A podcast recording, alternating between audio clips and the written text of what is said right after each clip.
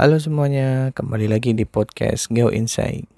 Di episode kali ini, saya dengan Almira akan ngobrol bareng dengan Kepala BMKG, Ibu Dwi Korita Karnawati. Kita akan cari tahu nih pengalaman beliau dulu dari seorang mahasiswi geologi, kemudian dosen, kemudian jadi rektor, sampai akhirnya jadi Kepala BMKG. Yuk, simak obrolannya. Oke, Mira, boleh dimulai pertanyaannya? Ya Bu, ini mau nanya tentang flashback ke zaman dulu Bu. Kenapa sih dulu Ibu mau pilih jurusan geologi? Padahal dulu kan geologi identik dengan laki-laki ya Bu. Proporsinya kayaknya lebih banyak kan laki-laki dibandingkan yang perempuan. Alasannya itu kenapa Bu? Ya, eh, karena eh, kebetulan kakak saya juga kuliah di teknik geologi Hmm. Awalnya di UGM terus pindah di ITB. Uh, uh, kakak kakak yang lain itu juga saudara-saudara itu paman juga di teknik geologi. Kemudian sejak SD saya hobinya itu berkemah, hiking, jalan, menyusur sungai, naik gunung. Sehingga saya lihat kakak saya kalau ke lapangan itu bawa mobil, pulang bawa batu, saya tanya, loh kok bawa batu untuk apa? Dapatnya dari mana? Oh, katanya naik turun gunung. Kalau gitu kayak pramuka itu ya. Ya iya kayak pramuka itu. Jadi jadi senang, pingin. Dan kakak pembina saya eh, pramuka di mulai eh, eh saya mau mulai SD pramuka, tapi pembina di SMP itu juga mahasiswa teknik geodesi tapi tapi saya pilih geologinya. Ya, jadi karena pengalaman masa sekolah di SD sampai SMA itu yang serta uh, keluarga itu yang mendorong untuk masuk ke geologi. Dan juga Padahal satu, dulu apa, Bu? satu geologi itu katanya kaya banget. saya juga dengar itu, Bu. Nah, saya kan siapa yang nggak ingin kaya? Yeah. Saya ingin kaya, ingin keliling dunia. Itu dulu cita-cita waktu masih SD, SMP, SMA. Kasih. Ya itu, saya juga masuk gara-gara nah, gitu bu. Kayak kumpulan orang-orang yang senasib deh kita, sejenis mimpi Amin, jadi kaya. Halunya kaya. Mira, Mira mimpinya sama juga kayaknya. Iya, Kayaknya iya. Sama, semoga sama. semoga rezekinya sama ya, Bu. Pasti lebih lah, jangan mau seperti saya. Itu evolusi mundur. Evolusi mundur, evolusi harus maju. Jangan sama seperti saya. Oke, okay, Miran. Ya. Next. Terus Ibu, momen apa Bu yang sulit dilupakan ketika jadi mahasiswi geologi, Bu? Pasti banyak kan, Bu? Yang paling susah dilupakan itu apa, Bu? Aduh, itu aku bener-bener waktu itu ambiar deh. Saya itu kan tugas akhir ya. Semua kan hmm. pasti ngalami tugas akhir pemetaan. Yep. Waktu yep, dulu tuh pemetaannya masih 9 kali 9 kalau nggak salah. 90 oh. meter kali 90 Iya, waktu zaman saya dulu. Gede juga. Oh. Waktu itu ya. Saya dapat wilayah di lereng Gunung Muria. Lereng Gunung Muria. Waktu itu uh, disiapkan untuk pembangunan PLTA nuklir. Saya melakukan pemetaan di sana. Nah, maksudnya cari temen nih ya. Kan kalau sendirian keder juga ini. Teman saya itu overlap. Boleh dulu overlap 30%. Nah, tapi teman saya itu senior, udah pemetaan duluan, sehingga waktu mau ujian, ujiannya itu bulannya sama, cuma dia lebih dulu, karena dia memang mulai lebih dulu. Ternyata zona yang overlap itu isinya beda antara dia dan saya. Tapi dia diuntungkan ujian dulu. Ujian dulu jadi nggak ketahuan. Nah, lolos dia udah lulus. Giliran saya mau diuji, pengujinya dia itu pembimbing saya. Dia lihat beliau, beliau melihat peta saya. Loh, kok kayak gini batuannya? Kok nggak sama dengan yang itu kemarin udah lulus? Kamu yakin nggak salah? Bener Pak, kami udah coba deskripsinya gimana ini nah. Bener Pak, udah. Ini karena beda, coba kembali ke lapangan.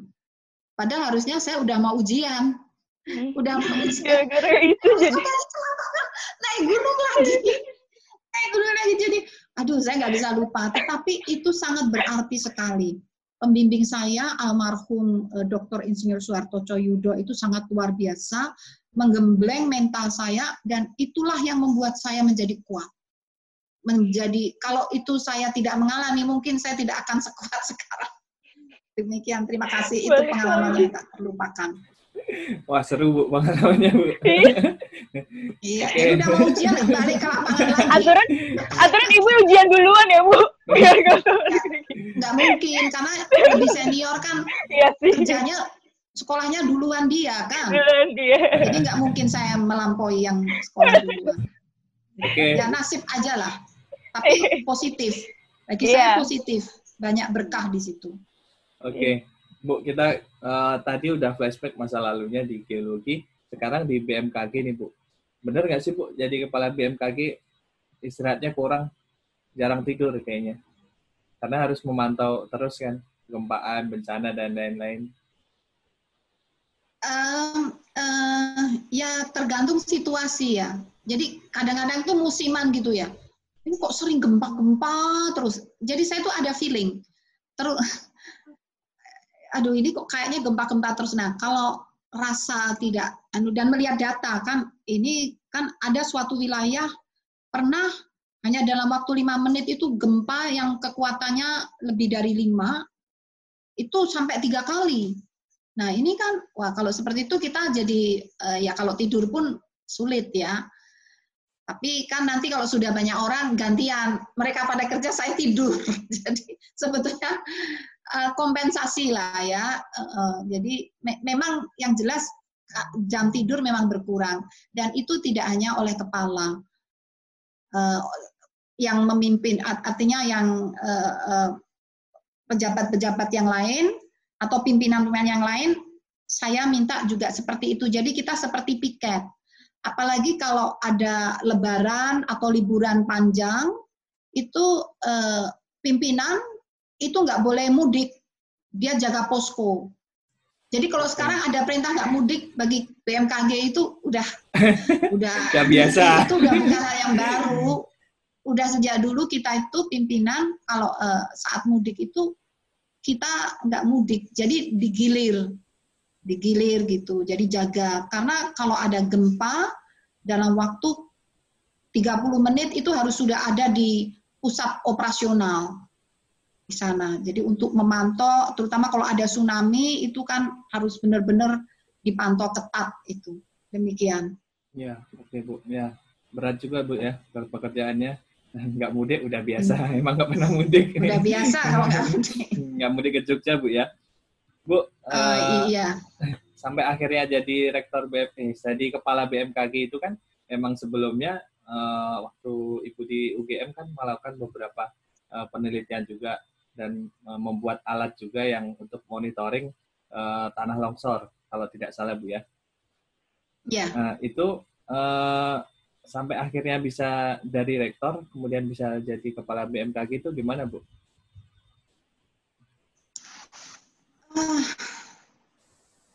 Pertanyaannya gimana ya? Saya jawabnya juga sulit juga nih.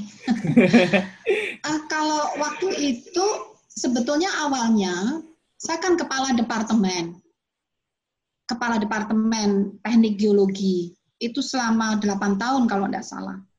Selama 8 tahun. Jadi begitu eh, pulang, saya diminta membantu kepala eh, ketua jurusan yang lama, membantu di bidang akademik, kemudian eh, langsung eh, ditunjuk apa ada pemilihan pemilihan saya sebagai kepala departemen 8 tahun.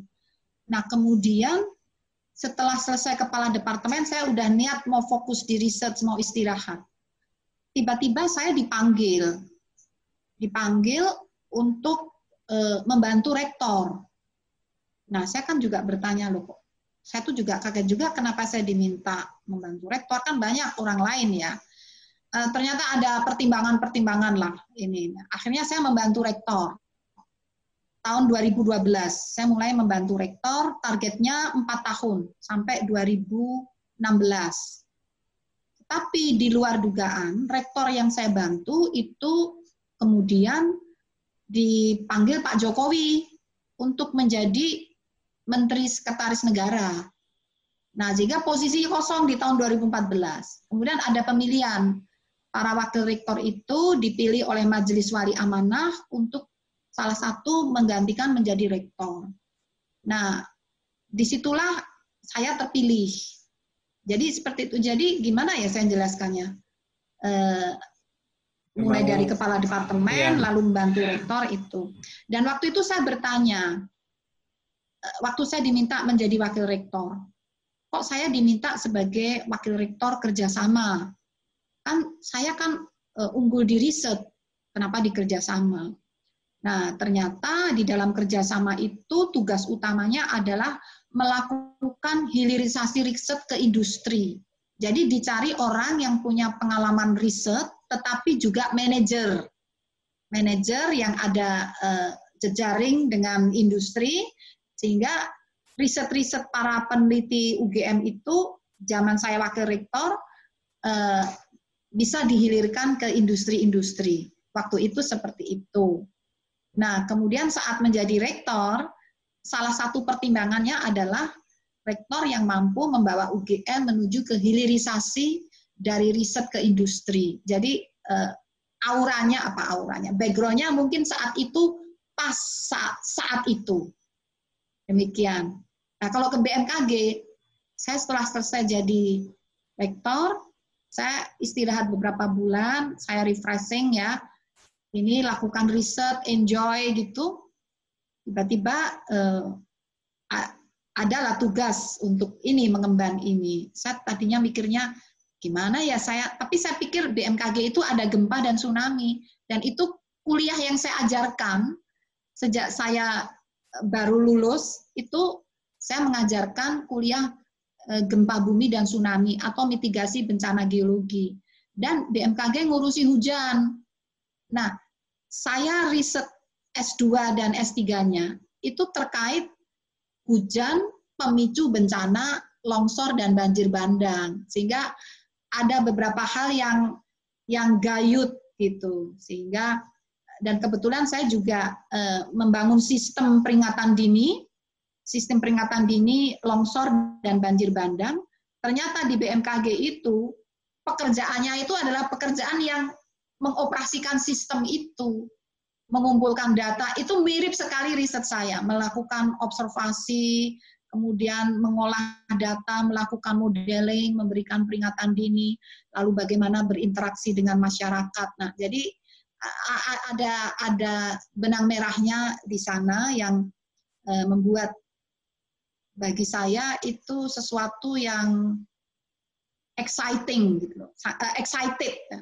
sesuatu yang sangat uh, apa ya juga menantang yang sesuai sekali dengan apa yang saya pelajari sejak saya mahasiswa demikian ya berarti emang uh, Budi Korita punya uh, sangat capable di, di bidang uh, kebencanaan sampai akhirnya jadi kepala BMKG. Kemudian benar nggak sih Bu punya uh, beberapa hak paten Bu tentang monitoring alat-alat monitoring itu? Ya, iya. Ada beberapa kalau nggak salah kalau nggak empat lima saya saya sendiri juga agak lupa ini karena udah lama. Oh, udah gitu. tahun 2014 uh, se sejak saya jadi rektor saya sudah nggak di situ. Tetapi oh, okay. uh, alat-alat yang dan saya tidak sendiri. Saya bekerja dengan Eh, mantan mahasiswa saya. Saya punya mahasiswa yang sangat pandai dan saya uh, ajak dia, motivasi dia. Masa kita selalu memakai alatnya Jepang sih? Alatnya Jepang uh, udah sulit, mahal. Kalau rusak, spare partnya juga nggak uh, mudah. Nah, masa kita nggak bisa bikin sendiri?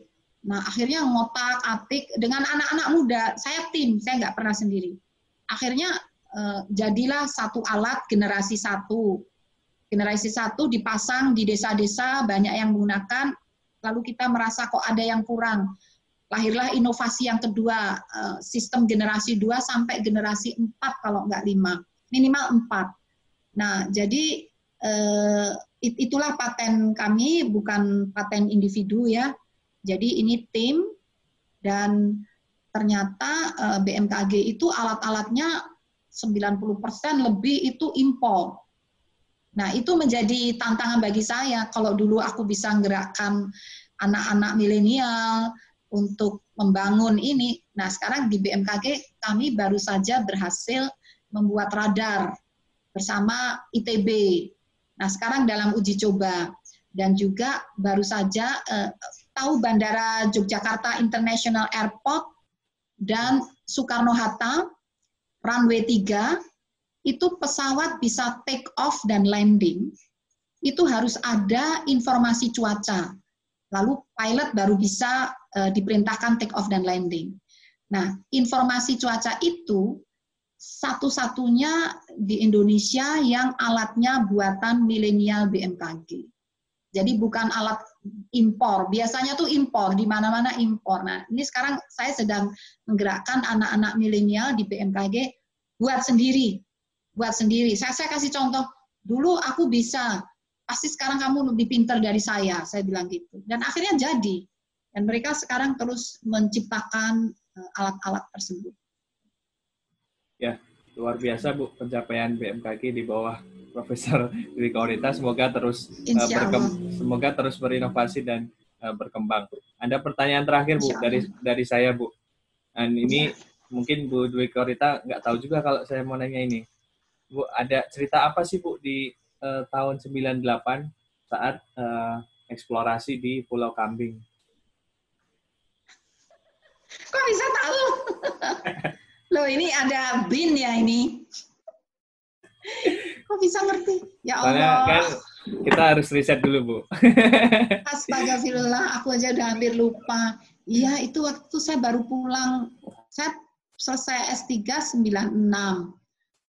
96 terus saya melakukan riset-riset untuk apa ini lingkungan hidup apa AMDAL.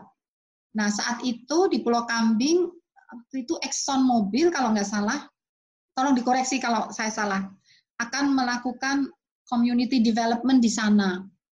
Nah, lalu saya harus melakukan uh, survei.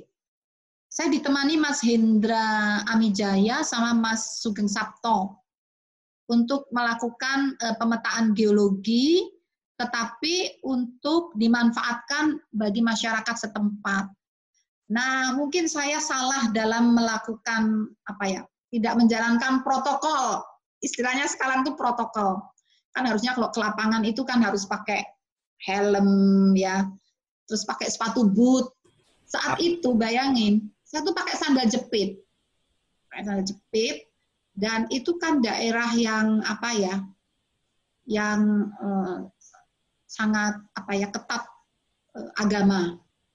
Nah, meskipun saya waktu itu belum pakai kerudung, tapi karena daerah itu ketat agama, selama di situ saya pakai kerudung. Tapi ketahuan, kerudungnya gadungan ya. Karena terbukti pakai sandal jepit, harusnya kan nggak boleh kelihatan. Nah, itulah awal persoalan. Artinya kalau kita ke lapangan, ini pelajaran bagi saya, memang harus benar-benar uh, kita ini bijak ya menyesuaikan dengan kondisi di sana. Sehingga saat itu saya mengalami ya sesuatu yang saya harus segera meninggalkan tempat itu. Uh, dan akhirnya saya pulang duluan. pulang duluan yang ditinggal di sana Mas. Kebetulan saya perempuan sendiri, sehingga tempat saya itu terisolir sendiri, yang cowok-cowok itu satu satu rumah. Karena saya perempuan sendiri, saya disendirikan. Nah, sehingga mungkin ada antisipasi yang kelewatan. Yang cowok itu benar-benar diantisipasi, sayanya kecer. Nah, tapi solusinya saat itu eh, saya pulang dahulu karena ada gangguan non teknis dan akhirnya ya sudah eh, alhamdulillah eh, aman ya. Ya pelajarannya adalah ya kalau mau ke suatu tempat itu patuhilah protokol-protokol yang ada, baik tertulis ataupun tidak tertulis. Ya, ya. itu pengalamannya. Kasih. Ya, jadi harus pakai APD yang lengkap ya, Bu ya. Dan emang setiap setiap ke lapangan pasti ada ceritanya sendiri-sendiri sih, Bu. Iya. Iya. Nah, ya. Mungkin Bu, pertanyaan terakhir nih ada dari Mira, Bu. Nanti ada uh, segmen apa? Uh, Games kecil-kecilan, ya, Bu. Nanti yang harus dijawab Bu Dwi Korita. Oke, silakan Mira. Oh, pilih ya Bu salah satu, tapi jawabnya harus cepat Bu. Aduh, Jadi ada dua pertanyaan. Ada dua pilihan, Ibu jawabnya cepat. Udah gitu aja Bu. oke. Kepala siap. BMK, mulai ya Bu. Kepala BMKG atau rektor? Ayo Bu. Ayo, Bu. Bisa jawab, eh. Kalau itu aku nggak bisa jawab, eh. Sulit, eh. Harus jawab. Nggak bisa jawab ya, Bu. Bisa Langsung jawab. cepet Bu. Ya udah, kepala BMKG. Oke. Oke. Karena ilmunya weekend- sama.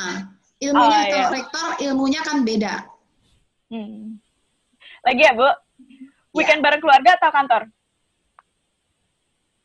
Hmm. Berat Gagal ya. Keluarga. Pengennya keluarga. Pengennya keluarga. Pengennya keluarga.